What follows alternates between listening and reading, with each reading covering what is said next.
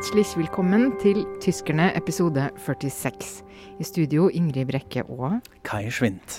I dag skal vi snakke om film og kunst, men det betyr ikke at det bare blir kos. Eh, jeg har lenge vært fascinert av kunstnergruppa Sentrum for politische Schönheit, Sentrum for politisk skjønnhet, som man kan kalle den på norsk, eller som det betyr. Og denne uka har de hatt en ny aksjon som skulle sette holocaust og tysk minnekultur på dagsorden. Eh, dagens ordspalte er en slags vri på det samme temaet. Men først så må vi jo bare si bitte, bitte litt om SPD, altså Det sosialdemokratiske partiet. Hva skjer der, Kai? Ja, det må vi, må vi snakke om, det føler jeg òg. Nei, det har vært masse diskusjoner nå i Tyskland. De har jo sitt store landsmøte nå til helgen. Men før var det altså nå veldig mye snakk om den nye ledelsesduo som ble valgt i en utrolig langatmig på tysk eh, prosess. Eh, litt sånn basert på hvordan CDU gjorde dette i fjor. Altså at man da kunne velge mellom flere sånne duoer, altså en mann og en kvinne. Jeg tror de hadde rundt 20 mennesker, eller hva? Altså 20 per som man kunne velge mellom. Um, altså Sosialdemokratene hadde, hadde, syv eller åtte par, oh, ja, okay. da. Ja. Okay. Men det var ja. mange likevel. Det var mange likevel. Bra at vi har disse tallene på plass her i Top researcha som alltid. Uh, nei, men poenget er jo nå hvem som blir valgt. Uh, nemlig Saskia Esken og Norbert Walter Borjans. Uh, som kom som en liten overraskelse for noen, fordi man hadde egentlig satset på at det ble Olav Scholz, som var finansminister og visekansler akkurat nå. Uh, og hans partner, uh, og som står da mye mer for en sånn ja, vi skal fortsette i storkoalisjonen, uh, som har vært med å prege den. Mens de nye to nå er altså mye mer skeptisk eh, mot dette. De har også vært yndlingskandidatene til Kevin Kunat, altså lederen i Users, denne ungdomsorganisasjonen i SPD, som har jo vært utrolig kritisk mot at SPD er med i store koalisjon en gang til. Så nå blir det spennende om de kommer til å forandre retningen. Om de kanskje prøver også å trekke seg fra den store koalisjonen. Mm. Ja, og det, dette er vel også litt sånn høyrefløy mot uh, venstrefløy. Ja. Uh, og uansett så så det jo uh, Folk ble ganske, i hvert fall i, i Berlin, så ble folk ganske overraska over at det ble dette, denne venstresida, anti-GroKo-folkene. Og det så altså en, et symptom som jeg tror jeg tror ikke jeg har øh, opplevd det før, var nemlig at øh, politikere fra CDO, altså Merkels parti, begynte å snakke åpent og diskutere mindretallsregjering. Altså hvordan kan de sitte i regjering hvis SPD øh, forlater det hele, da. Så de frykta Det virka De så det som en reell trussel, eller en reell fare, at SPD kunne gå fort ut. Mm. Eh, men så har det jo moderert seg veldig etter hvert, da. Så nå eh, har jo også Kynert eh, vært ute og sagt at kanskje ikke akkurat nå. Og disse to kandidatene har jo moderert seg kraftig og sånn, så det er kanskje ikke med en gang at det blir slutten på storkoalisjonen, da. Ja, så er det jo også som andre politikere har påpekt, bl.a. Amin Laschet, som har sagt ja, det er fint at kanskje noen er litt mer skeptisk, men vi har en kontrakt. Det er ikke sånn at vi kan bare trekke oss ut av en storkoalisjon, vi må oppfylle den. og så må vi heller se litt sånn tematisk om det er noe som vi må kanskje gjenforhandle. Men det er ikke sånn at vi kan bare droppe hele prosjektet uh, med en gang. Nei, og det er vel eh, det, har jo også, kanskje, det er kanskje også en slags vei ut for dem nå at nettopp det at man har forhandla fram en avtale, og så sier nå Anne Greth Kramp Karen Bauer, altså partilederen i CDO, at ja, den er ikke noe mer å forhandle om, den står som den står, og vi har ingen avtale om at den skal forhandles. Men så sier disse nye kandidatene at de vil forhandle litt likevel. Om klima og om minstelønn er vel det de, de syns er viktigst. Og det kan jo hende at det ligger noe der, da. At eh, det tross alt likevel blir en liten forhandling. Og så kan de på en måte si at noe har forandra seg litt. fordi at de har jo et trykk. Altså det, de øker jo trykket på hele regjeringa. At SPD nå eh, kanskje Eller forandrer litt kurs, eller viser tydeligere hvor de står, da. Mm. Samtidig som det er også en ganske sånn kronglete og vanskelig prosess innenfor SPD. Eh, jeg var jo hjemme eh, i Frankfurt nå og snakket med en venninne til mamma som er SPD-medlem, og som også faktisk satt i forbundsdagen uh, under den første Schrøder-regjeringen på slutten av 90-tallet. Ja. Uh, alltid stas å snakke med henne om uh, sånn hvordan det er i Riksdagen og den store politikken sånn veldig nær. Men hun har jo en helt annen mening. Hun sier jo dette er en katastrofe nå. Vi må fortsette med grå K. Vi, vi må forbli i den store koalisjonen.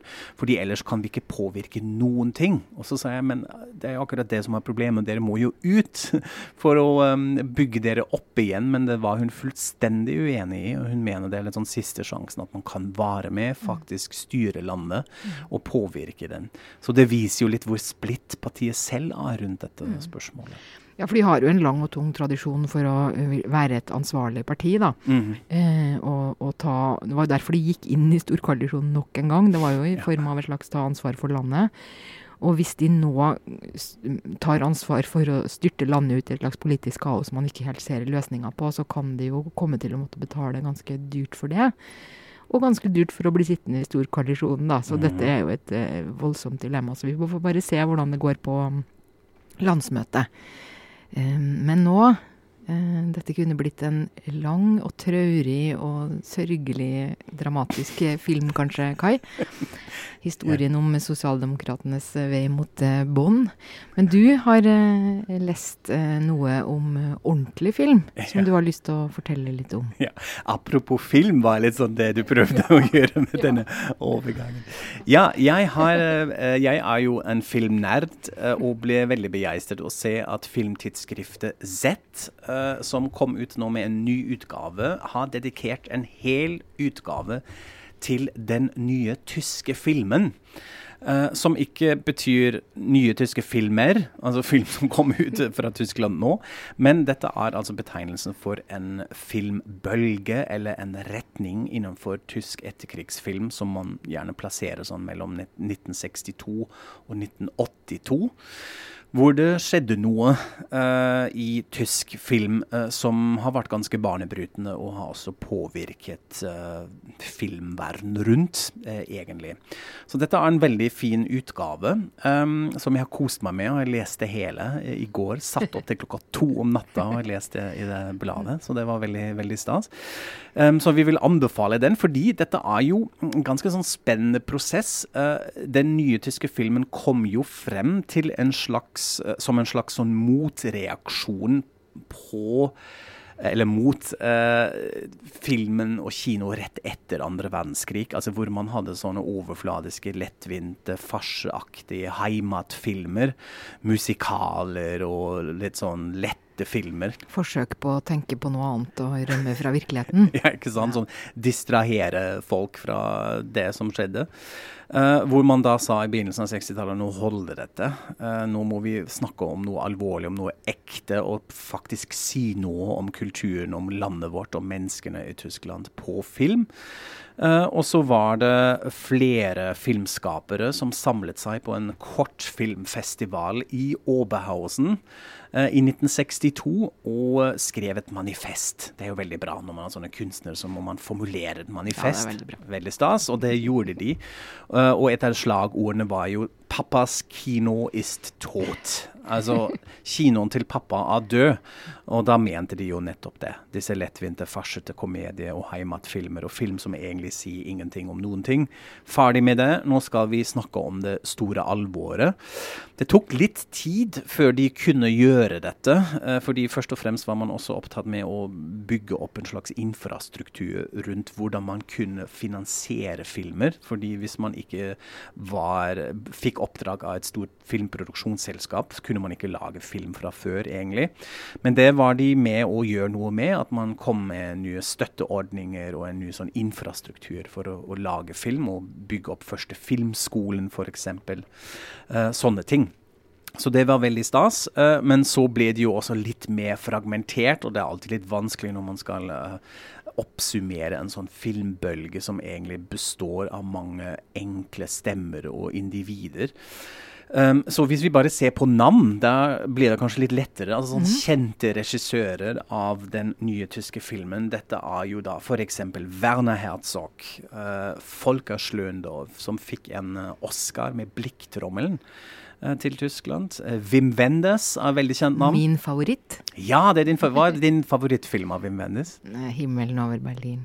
Ja. ja. Ja, nei, det syns jeg er en nydelig film. Jeg har sett den mange, mange ganger. Fantastisk film, selv om den er litt sånn strengt tatt etter denne nye tyske filmbølgen. Men den viser jo en del sånn kjennetegn til den, at man har en sånn blanding av å si noe om samfunnet, hvordan det er i Berlin, si noe om Tyskland, men samtidig blande det med en sånn magisk realisme. Sånn Bruno Gans som en engel som sitter opp på sigesøylen og ser ned på mennesker. Ja, veldig fin film.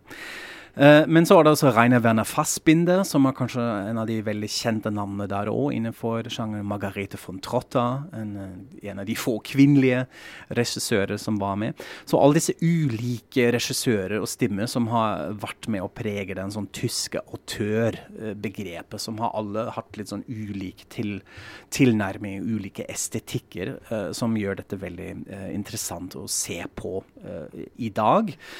Ja, Werner Herzog er kanskje mest kjent. Altså, han lagde jo disse store sånne, ja, sånne epos. Uh, filmer, sånne abenteuerfilmer som spilte i jungelen i Sør-Amerika, som Fitzgeraldo eller Agirre med Klaus Kinski i hovedrollen. Uh, som måtte få til et eller annet vanvittig, som å dra en stor båt over en foss uh, og sånne ting. Som de filmet på ekte i, ja. i jungelen. Uh, så det er veldig fascinerende å se på fortsatt i dag.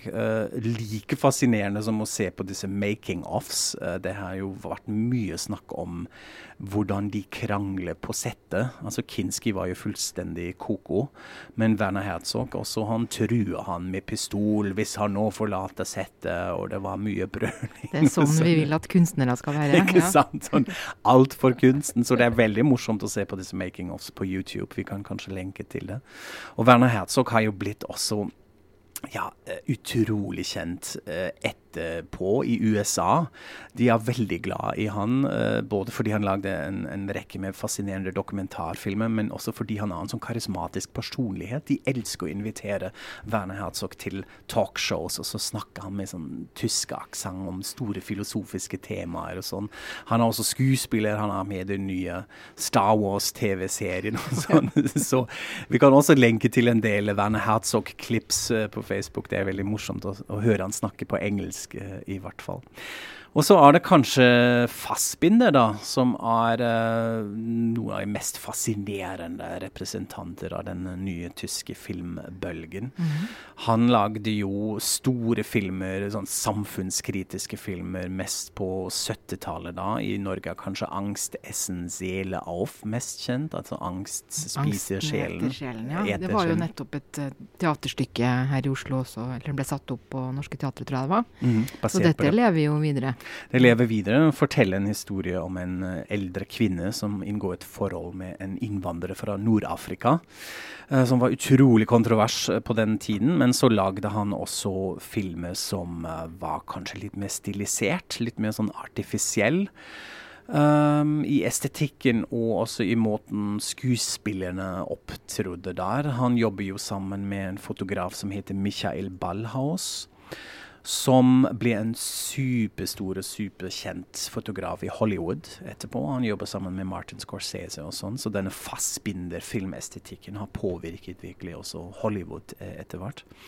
Og så er det jo den personligheten til fastbinder selv. Dette syns jeg var utrolig eh, spennende å lese om også i, i tidsskriftet her, fordi de har vært veldig flinke med å ta det opp.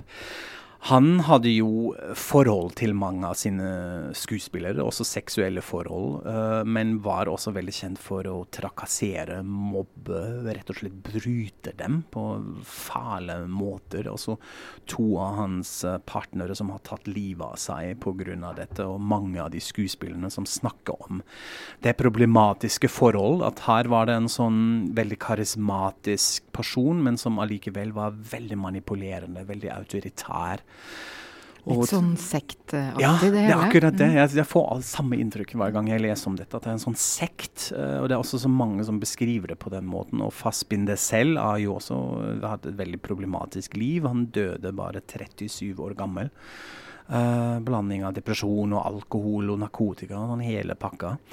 Uh, så en problematisk filmskaper, men veldig fint i denne artikkelen her at man tar dette med i samtalen, og ikke bare argumenterer fra et sånn moralistisk ståsted og sier nei, nå etter metoo kan vi aldri snakke om fastbinder igjen. Men man tar dette med så anbefales det Neue Deutsche Film, den nye tyske filmen Z Filmtidsskriftet. Vi kan lenke til dette også på Facebook-siden. Da er vi klare for eh, dagens tredje tema. Yes. eh, og da fortsetter vi litt sånn i kunstens verden, men nå skal det altså handle om dette sentrum eh, for politisk skjønnhet. Mm. Hva er ditt forhold til dem, Kai? Ja, altså jeg kjenner dem jo mest som et sånn eh, utrolig ja, kontrovers kunstnerkollektiv uh, som har gjort uh, en del sånn insane kunststunts i Tyskland. Uh, blant annet at de har bygd et sånn uh, liksom minnesmerke til holocaust uh, i nabohagen til Bjørn Høkke, lederen til AFD i Turingen, for å minne ham på at han er fascist. En liten, kopi, en liten, kopi, av dette i Berlin. I Berlin, ja. Og da blir det jo mye diskusjon. ja. Men nå har de jo gjort noe enda større, kanskje? Ja, de har i hvert fall gjort det som kanskje er enda mer kontroversielt. Eh, og som også handler om holocaust. Eh, nemlig at de denne uka har en, eh, satt opp en søyle foran parlamentet, altså riksdagsbygningen,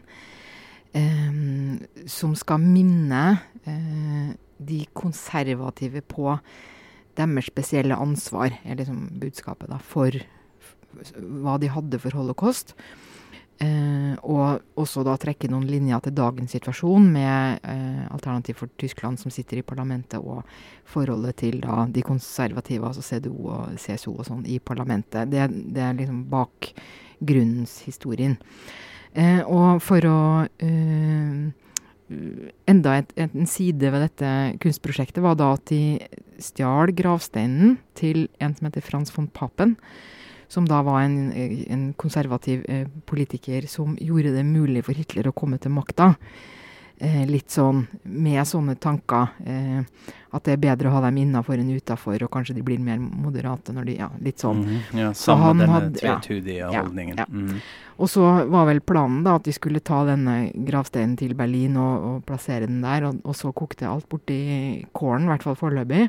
Fordi de har fått så enormt mye kritikk for dette prosjektet. Og det, den kritikken handler stort sett om at inni denne søyla de har bygd, så er det da aske eh, fra folk som eh, ble myrda i holocaust. Og som de har henta, sånn som jeg forstår det, ikke liksom rett fra massegraver og konsentrasjonsleirer, men de har, hentet, de har gravd i grøfter og steder hvor de har visst at det har skjedd ting. Så har de tatt denne jorda til laboratorier, analysert den og fått beskjed om at det er menneskerester. Og så har de da eh, plassert noe av dette i, i, denne søyla, som er da av glass, så du kan se asken inni. Og så er det da eh, eh, hva heter det, det jødiske sentralrådet i Tyskland, så mhm. paraplyorganisasjonen for jødiske organisasjoner, og en hel rekke andre som har reagert veldig sterkt fordi det er eh, manglende respekt for døde. Og det er også brudd på eh, hvordan jødene selv eh, har det med sine eh, tradisjoner for hvordan man behandler eh, døde. Da. Og måten de har eh, takla det på, det er å be om unnskyldning det er veldig tydelig det er lagt ut på sin side. Eh, at de beklager det hele, at det ikke var sånn ment, og at de skjønner at de har gått over streken, sånn type formuleringer. Og at de svarer da med å eh, ta et tøyr Hva heter det? Det er jeg som ikke kommer på norske ord her. Altså at de ja. tilslører, eller ja, de henger et tøystykke rundt. da. Yeah. Fra hyllen, ja. Nå har det blitt sånn tysk, Ingrid. For hullinja Og, uh, ja. ja. Så de skal skjule aska, da. Skjule aska. Ja, Uansett. Og så syns jeg det som, er, det som gjør dette så utrolig interessant, da, det at det at de kommer med denne beklagelsen, og at det har gått sånn som det har gått nå, det gjør ikke prosjektet noe dårligere. Det bare gjør det nesten kanskje enda sterkere. Ja, og det syns jeg var også så fantastisk i det svaret som de ga på websiden sin, hvor de sier ja, vi beklager, men samtidig minner de også på med hva egentlig formålet var, hva tanken var bak dette. De sier vi har fortsatt samme budskapet. Vi beklager, har vi bomma med metodene, men vi mener fortsatt dette og dette og dette. Og det syns jeg var veldig smart, fordi på den måten forhindrer man litt, eller man, man er i hvert fall obs på det, at en sånn debatt avspore. At den blir tatt, og man sier 'herregud, brudd av etiske eh, regler innenfor kunsten', og hva har kunst lov å gjøre? At man går denne veien, som er selvfølgelig viktig å snakke om. Men man misser poenget. Uh, og det er veldig lett gjort uh, å manipulere denne debatten da igjen også for kanskje motsiden. Litt som kanskje som det skjedde her i Norge med 'Waves of Seeing', når man tenker på hvordan den debatten avsportes. Og det var veldig smart gjort mm. av uh, Sentrum for politiske skjønnhet, mm. syns jeg. Og så I tillegg til be om unnskyldning, så, så, start, så slutta de med pengeinnsamlinga knytta til prosjektet. For det er også sånn at dette er en veldig stor gruppe. De er 70 kunstnere, eh, leda av en som heter Philip Roch. Og de har jo holdt på i ti år. Og jeg ble først oppmerksom på dem eh, da de Det må ha vært eh, i 2015. Eh, for da satte de opp du vet, disse eh, kjente korsene som man satte opp over folk som døde da de prøvde å flykte over Berlinmuren. Mm. De som mhm. står i Berlin. Ja. De satte opp samme type kors ved Europas yttergrenser. Og så het prosjektet Den andre Berlinmuren, eller noe sånt. Nå husker jeg ikke helt om det var eksakt det, men altså at det var på en måte ja, veldig sterkt. Og så gikk det ikke lang tid, kanskje året etter eller noe, så gjorde de noe enda mer heftig med flyktningkrisen. Nemlig at de eh, fikk tillatelse da, eh, fra familiene til noen flyktninger som hadde dødd på Middelhavet i forsøk på å komme til Europa. De gravde dem opp og tok dem med til Berlin. Og så var planen å begrave dem igjen, igjen da, på plena foran riksdagsbygningen. Fikk de avslag på det, så de begravde dem på sånne gravsteder rundt i Berlin. Men det er altså så enormt sterke virkemidler. Eh, og så tenkt eh, kunst. Og jeg tenker at det fins vel knapt noen, eh, i hvert fall ikke i Tyskland, og kanskje ikke i verden i dag, som har så stor politisk kraft, og også gjennomslagskraft. De, alt de gjør, blir jo voldsomt eh, diskutert og debattert. Og det er bare noe av det mest spennende man kan uh, følge med på, hva de driver med, tenker jeg. Mm, absolutt. Og jeg litt sånn grugleder meg litt til neste stuntet. Hva er det, det de kommer med neste gang? Men utrolig viktig å ha dem. Uh, ja, nei, men det treffer deltaker. veldig sånn i mm. følelses... Altså man blir veldig revet med, da. Ja. Enten man syns det ene eller andre, tror jeg. Det er utrolig sånn sterke mm. ting. Ja. Ja, nå skal vi over på ordspalten. Ja. Men temaet eh, holocaust, det forlater vi da ikke helt. For du, Kai, har uh, tenkt uh, på noe som du ofte har uh, irritert deg over at nordmenn gjør. Ja, i, i, hvert fall i det siste har det kommet flere sånne tilfeller hvor jeg tenkte hm, er det bare meg som syns at dette er litt sånn smakløst og rart?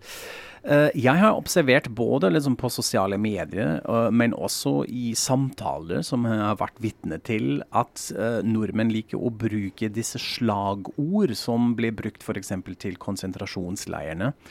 Uh, motto er kanskje litt sånn feil ord for det, men når man tenker f.eks. på Auschwitz, uh, inngangsporten, så står det jo uh, 'Arbeid macht frei'. Mm. og over det. Altså dem das seine i Buchenwald. altså sånn Disse forferdelige, kyniske uh, ordtak som nazistene valgte å bruke der. Ja, at de blir brukt her. Litt sånn flåsete. Mm. Uh, jeg hadde det også i en, en, student av meg som sa det på vei ut når det var mye jobbing og sånn. Ja, ja, ja, arbeid macht frei. Uh, og, eller sånne ting som 'kraft durch freude', altså sånne ordtak som nazistene likte å bruke, som blir brukt som en sånn morsom liten kommentar. Mm. og jeg må si at jeg alltid får, blir sånn satt ut og blir sånn småkvalm, fordi dette kunne man ikke ha gjort i samme måten i Tyskland, eller i en tysk kontekst i, i hvert fall, at man bare bruker en sånn ord som en sånn gag, eller en sånn ja ja, så dahingesagt, som vi sier på tysk. Jeg vet ikke, er det bare meg, eller skjønner du hva jeg mener? Ja, jeg skjønner veldig godt hva du mener. Jeg skriver jo en del om, om tyske ting på min egen private Facebook-side, og der har jeg et par ganger fått den type kommentarer. Mm -hmm. Og det har jeg fått fra folk som jeg ikke på noen måte mistenker for uh, grumsete holdninger, eller ingenting Nei, med det å gjøre. Ja, ja. Mm -hmm. uh, men, men uh, jeg husker i hvert fall dette Kraftur Freude ble liksom kommentert på et eller annet. Og at jeg blir sånn Jeg syns ikke det er noe morsomt, jeg syns det er ganske ekkelt. Men jeg blir helt sånn passiv av det, fordi at jeg, jeg føler at det er ingenting man vil jo ikke være sånn sur kjerring, eller Altså, hva skal man si? Altså, ja, mm. så jeg har jo da valgt den uh, feige holdningen og bare ikke ikke late som det ikke har skjedd, og ikke si noe, ikke kommentere, da. Ja, altså jeg har ikke sagt noe om det òg, men mest fordi jeg har ikke oppdaget det før. Jeg har, eh, som sagt, Det er en sånn nylig ting som jeg har lagt merke til, men jeg uh, må kanskje påpeke det. I hvert fall når det skjer i klasseromkonteksten og sånn, at jeg syns at dette er litt problematisk uh, å si det. Fordi jeg er også helt enig i dette av folk som altså, på ingen måte har uh, lyst å komme med nazistiske uttalelser. Så dette er bare sånn sagt. Men det er litt interessant at det er en annen eh, kontekst til det, mm. på tvers av de landene våre her. Ja. Da har vi i hvert fall fått sagt det til alle våre lyttere. Nå har vi ja, sånn, dette vil vi ikke at dere skal si. Nei. ja, eh, 2019 er jo snart over. Det har vært et utrolig innholdsrikt eh, år for eh, oss begge, Kai. Med oh, ja. bøker, og du har drevet med hørespillet ditt. Vi har reist utrolig mye. og mm det har skjedd uh, store ting. Og dette er en innledning til å si at dette er siste episode for i år. At nå tar vi en ekstra lang juleferie. Ja, det har vi ja. fortjent. Og så må du være veldig forsiktig nå. Den siste episode for i år. Ja, for Ikke vær redd, kjære lyttere. Vi kommer selvfølgelig tilbake, men vi tenkte nå trenger vi en liten break. Ja. Så ja, siste episode før jul. Ja. Og så vi, tenkte vi at vi kunne kanskje eh, kompensere litt ved å oppfylle et par eh, lytterønsker på vår Facebook-side. Fordi vi får av og til sånne henvendelser. Eh, folk ønsker gjerne ting som er lett tilgjengelig for de som ikke snakker eller leser supergodt tysk, men bare sånn passe. Så da spør folk oss om eh, podkaster på enkelttysk, eller vet vi om noen Instagram-kontoer, eller eh, Facebook-steder eller steder hvor det er morsomt og interessant å følge med på tysk, men ikke for vanskelig. Og det har vi tenkt å følge opp på den måten at vi legger ut et par av våre tips, og så håper vi at dere bidrar. fordi da kan vi kanskje få samla en god del eksempler og få lagd eh, etter hvert noen sånne pakker som kan være nyttig for oss alle. Yeah, at vi har i fellesskap. Jeg tenkte litt på det, at man kan rett og slett bygge opp et sånn arkiv rundt dette. Med, hvor alle kan bare klikke på og gå inn og se på hva man kan følge med. Så vi skal begynne å legge ut en del ting nå i de neste ukene uh, som vi kjenner til. Men dere, dere må være med. Gjerne. Kom med anbefalinger. Send det til oss. Uh, og så kan vi legge det ut òg. Det skal vi gjøre. Og så takker vi alle for følget i år. Takk for at dere har hørt på oss. Dere har kommet med tilbakemeldinger, likt oss på Facebook. Takk for at dere har kommet når vi har hatt våre liveopptredener. Så bare fortsett med det, for det kommer mer neste år. Vi gleder oss. Takk igjen. God jul. Auf Wiederhören i 2020. Auf Wiederhören und frohe Weihnachten. Tschüss.